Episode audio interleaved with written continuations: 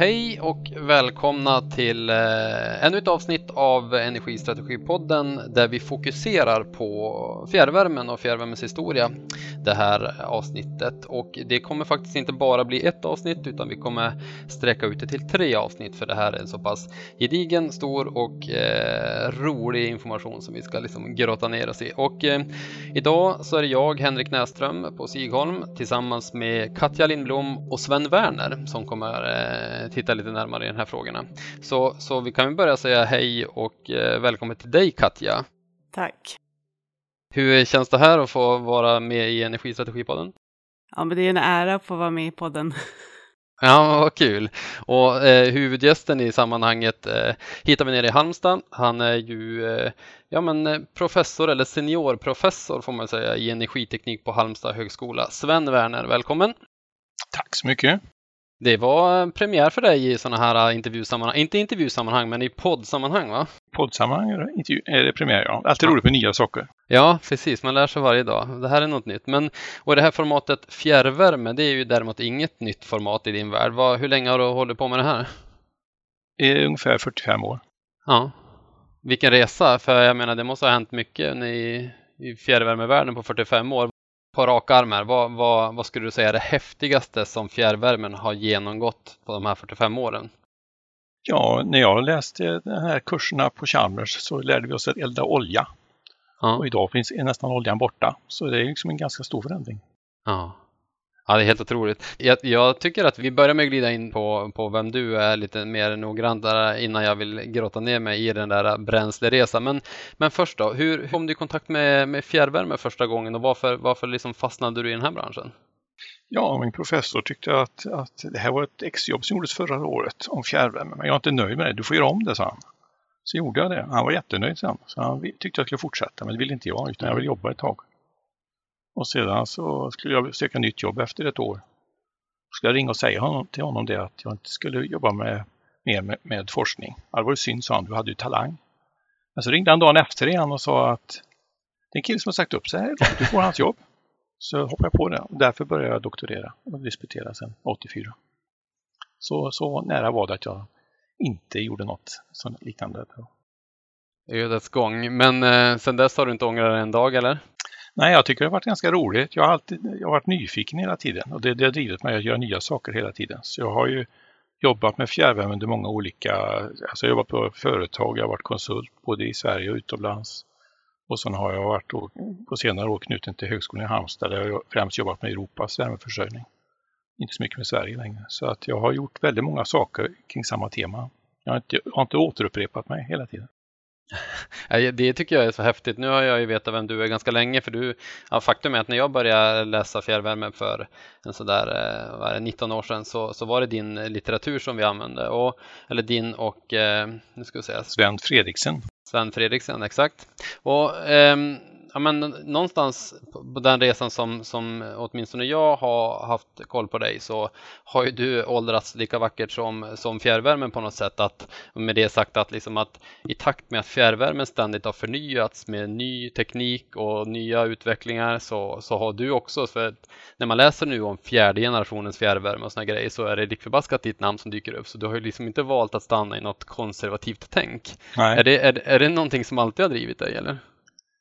Jag vet inte, nyfikenheten så tror jag att man vill liksom eh, vrida och vända på saker och ting och liksom se något förbättring. Ja. ja jag har liksom, dessutom jag har ett, när jag var konsult i Göteborg många år sedan, då företrädde jag fjärrvärmekunder mot eh. Så några år senare var jag marknadschef. Det var väldigt nyttigt det där var på två stolar på samma, och, och se från olika håll. Jag, hade, jag tycker jag fick mycket bättre kontakt med kunderna i Borås när jag själv hade suttit på deras sida. Men om, om vi glider in på fjärrvärmen där, var, vad, alltså var i Sverige började man med fjärrvärmen? Eh, det fanns många idéer på 20-talet för att många svenska ingenjörer åkte till Tyskland och såg vad som hände där. Men det tog aldrig fart där. Eh, det fanns förslag både i eh, Malmö och Norrköping då på 20-talet. Ehm, men det var först efter andra världskriget. Vi hade ett par torrår Eh, jag tror det var 47 och 48 som vattenkraften gick ner då och då var det nästan ransonering. Och då bör man tänka att den här vattenkraften klarar sig inte själv, man måste ha värmekraft. Och ska man ha värmekraft så kanske man ska ha kraftvärme, då kan man återvinna värmen. Och då var det många städer i Sverige som hade gamla små eh, ångkraftverk inne i städerna som de hade innan vattenkraften kom med, med ledningarna. Då. Och då eh, stod man inför valet att skrota dem eller fortsätta använda dem. Och då kickade man dem igång igen. Dem. Och det hände både i Malmö och i eh, Borås och liknande som gjorde att eh, man hade någon anläggning som man kunde göra både värme och el samtidigt tidigt. Men det var liksom ut, nästan utrangerade anläggningar, men de använde det. Och det var, det var, steget var ganska litet egentligen att starta dem.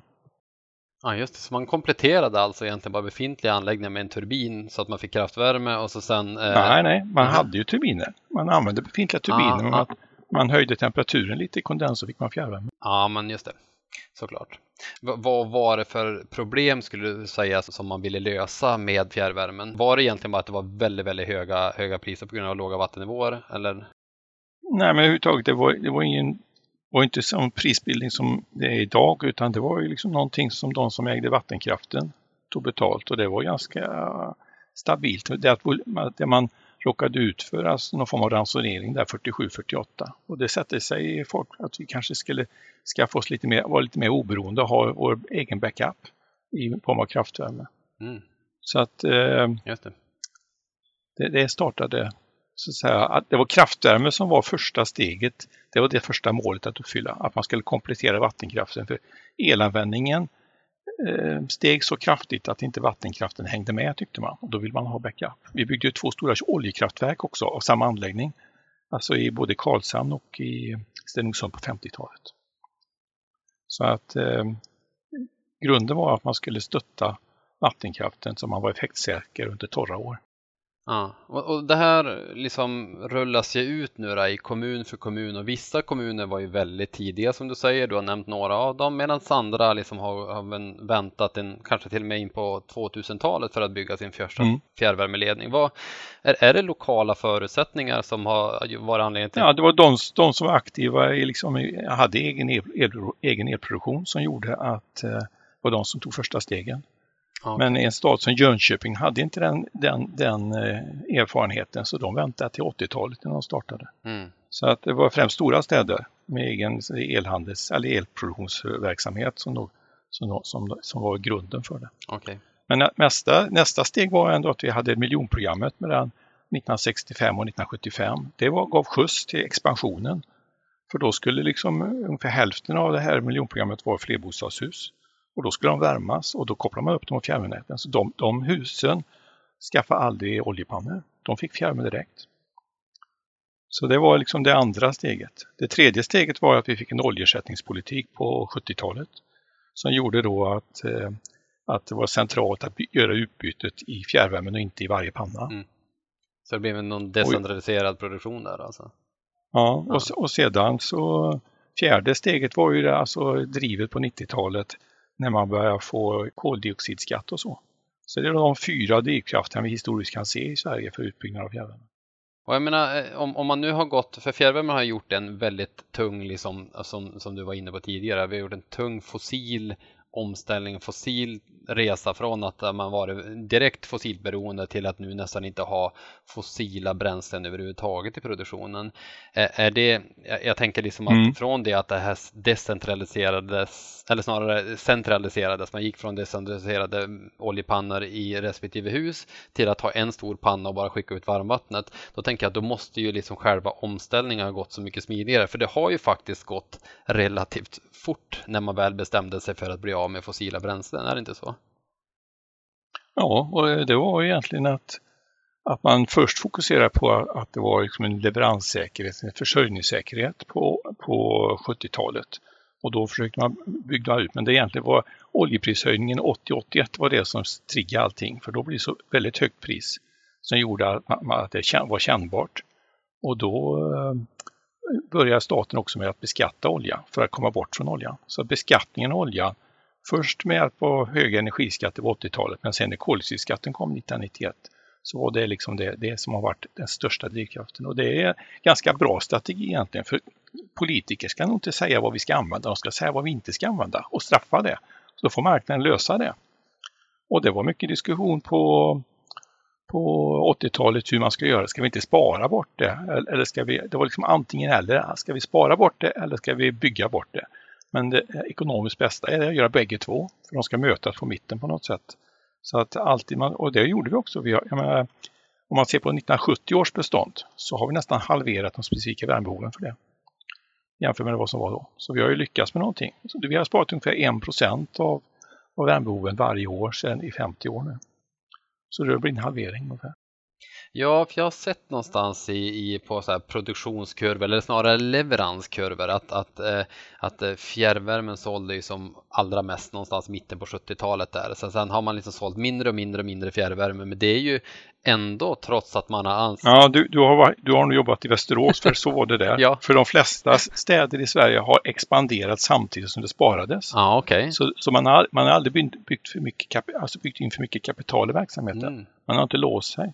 Utan kunderna har dragit ner samtidigt som man ansluter. Mm. Men, men skulle du inte säga ändå liksom att, att det finns många fjärrvärmesystem runt om i Sverige som är överdimensionerade för att vi har haft en större liksom, eh, last liksom, eller fjärrvärmeleverans? Eller skulle, skulle du säga att de är optimalt eh, dimensionerade idag? Ja, det finns några stycken då ja.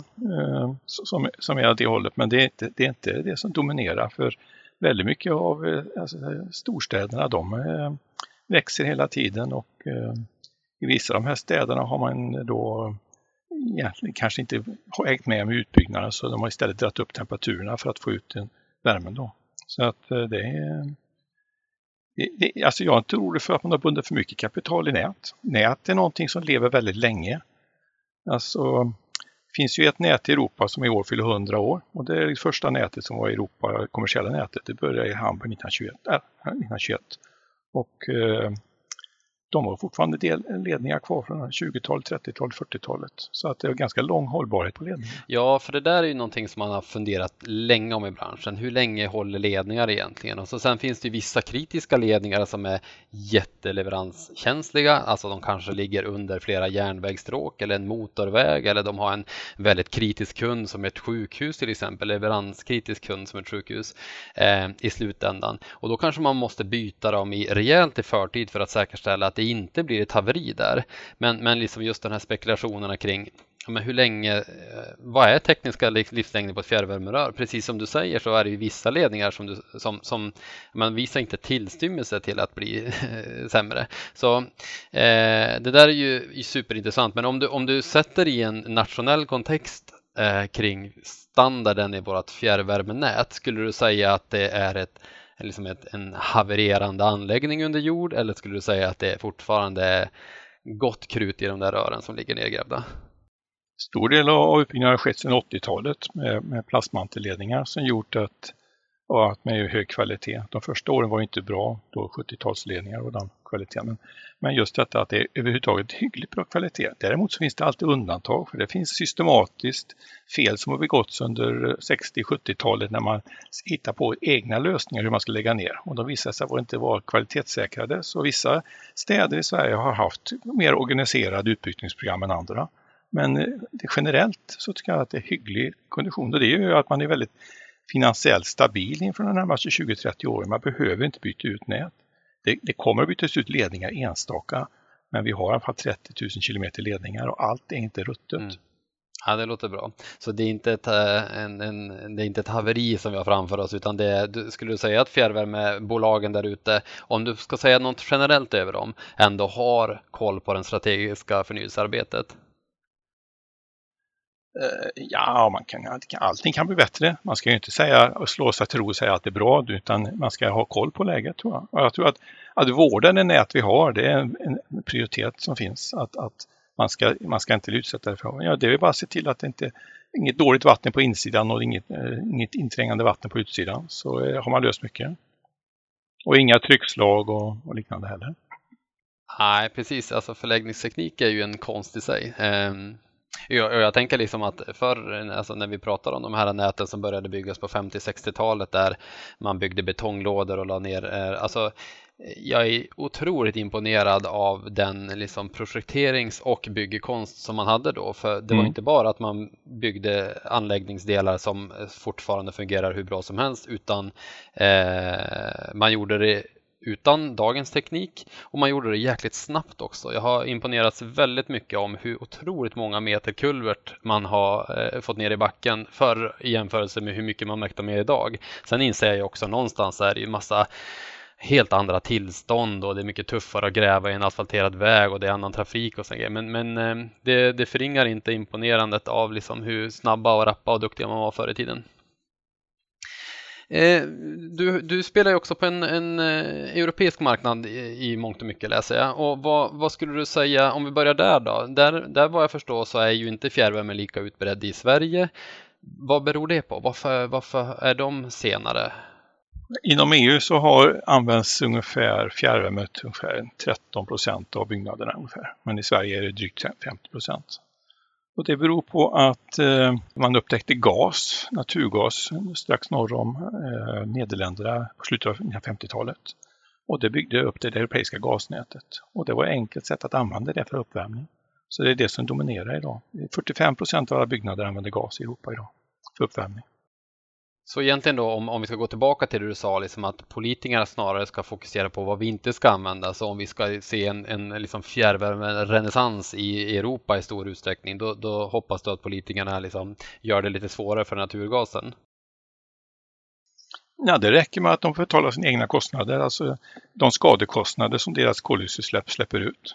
Vi skulle kunna tänka sig, idag ingår de i utsläppshandelssystemet, men de skulle man kunna tänka sig en upstream av alla gasleverantörer fick betala utsläppsrätter. Så skulle man ordna det. Det går enkelt att göra, det är bara att där är politiker för, för fega.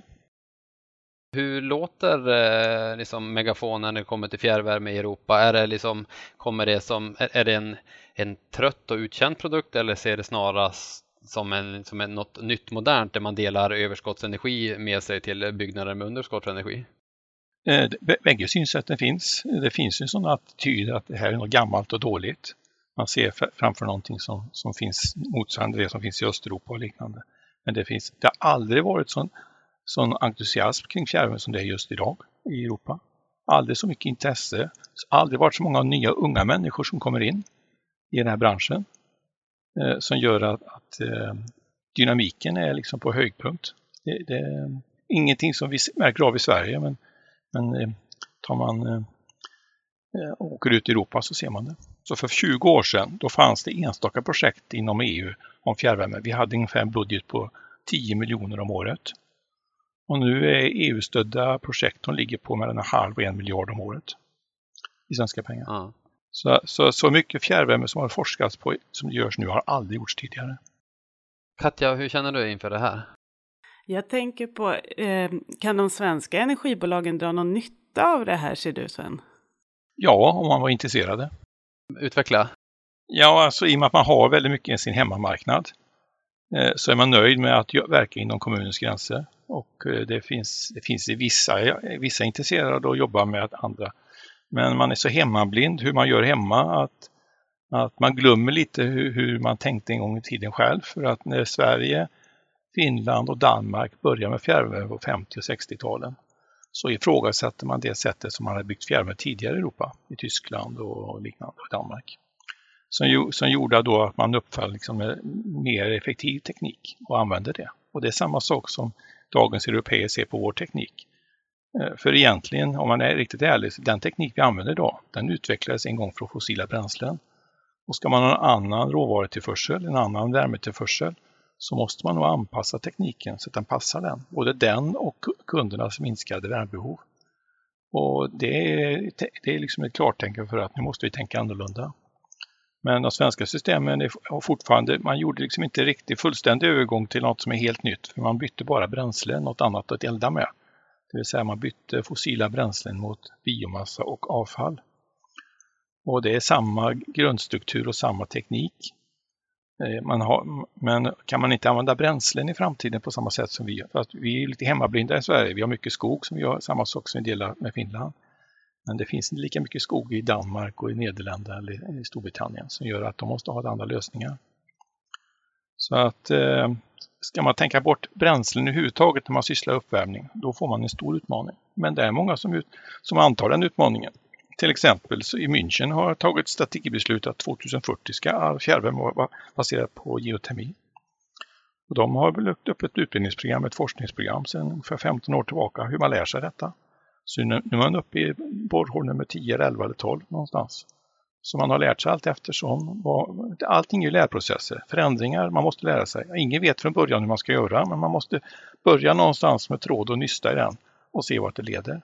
Och sen så lär man sig undan för undan hur man ska göra. Tror du att eh, den geotermiska liksom, produktionen eller geotermin, att den kommer få ett stort in, inslag i Sverige också på sikt, eller? Eh, I Sverige har vi inte samma berggrund som i övriga Europa. Där finns mm. det då varmt vatten i stora akvifärer. Så Paris ligger på en sån akvifär, Berlin ligger på en sån akvifär och München. Finns då. Så att ungefär 25 procent av EUs befolkning bor i områden där det finns tillgång till geotermi. Sverige ingår inte där för vi har en annan berggrund. Eh, här har vi granit och granit och liknande. Men däremot så finns det en drillhjärna i Finland som har övertalat oljebolaget SD1 att nu ska vi borra efter eh, geotermi i Finland. Och tydligen så har det gått framåt för att eh, Espo tittar på det och de har övertalat Malmö att titta på samma saker. Så det är mycket möjligt att vi får också geotermi i framtiden med en ny teknik som inte har funnits förut. Spännande. Eh, jag läser ju någonting liknande om, om eh, att man har storslagna satsningar i, i England där man ska gå från någon ynka procent anslutna till, men om det var 18 procent eller något liknande, så ska man spendera miljarders mm. miljarder på det där. Eh, vad, vad ehm, eh, Känner du liksom att amen, äntligen eller känns det som att amen, det här var nog rätt i tiden eller hade du gärna sett den investeringen, den satsningen eh, för 30, 40, 50 år sedan eller? Jo, men i det fallet så var det så att när man hittade naturgas eh, utanför, i Nordsjön utanför eh, eh, Storbritanniens kust så tog man in helt enkelt det. Så det har varit dominerat, helt dominerat uppvärmningen i, i Storbritannien att använda naturgas. Och det är nu när man inser att det är ett koldioxidutsläpp som man liksom får fundera på hur man ska göra istället. Men det var faktiskt stora utredningar att införa fjärrvärme under, efter andra världskriget när väldigt stora områden och städerna var bombade och sönderslagna så skulle man bygga upp det nytt. Så man hade en stor statlig utredning mellan 1942 och 1953 som utredde fjärrvärme. Men under tiden, det tog så lång tid på sig när de var färdiga så det hade liksom utvecklingen sprungit iväg från dem. Och, men, men eh, det var också det att man eldade kol i kaminer och man fick en Londonsmog 1952 som gjorde att man fick upp ögonen för förbränning och det gick över mer och mer till gas. Så gas var välkomnande då. Men, men det har funnits hela tiden diskussioner. Det har funnits alltså 50-60 års diskussioner i Storbritannien om att, att använda fjärrvärme. Men det är först nu som det tar fart. Ja, eh, så intressant. Men, och jag hoppas ju någonstans att eh, det även accelereras. Jag tycker ju eh, själv om fjärrvärme väldigt mycket. Eh, och eh, eh Någonstans så tror jag nog att eh, att vi, vi, eh, vi binder ihop det där eh, för just det här första avsnittet eh, och så sen växlar vi över till, och, för jag är samtidigt väldigt, väldigt nyfiken att höra kring de här generationernas fjärrvärmedistributionsnät. Liksom, varför kallar man det nya för fjärde generationens fjärrvärme för? Och, eller varför? Jag inser att det finns tre generationer tidigare, men, men vad är det då och varför är det fjärde generationen så, så mycket bättre i alla fall? Tack så mycket för den här stunden. Eh, vi avslutar där och så sen hörs vi om ett litet tag igen. Tack, tack! Podden produceras av Sigholm, er partner för förändringsprojekt och digitalisering inom energibranschen. Besök oss på våra sociala mediekanaler för att diskutera avsnittet vidare. Länk finns i beskrivningen.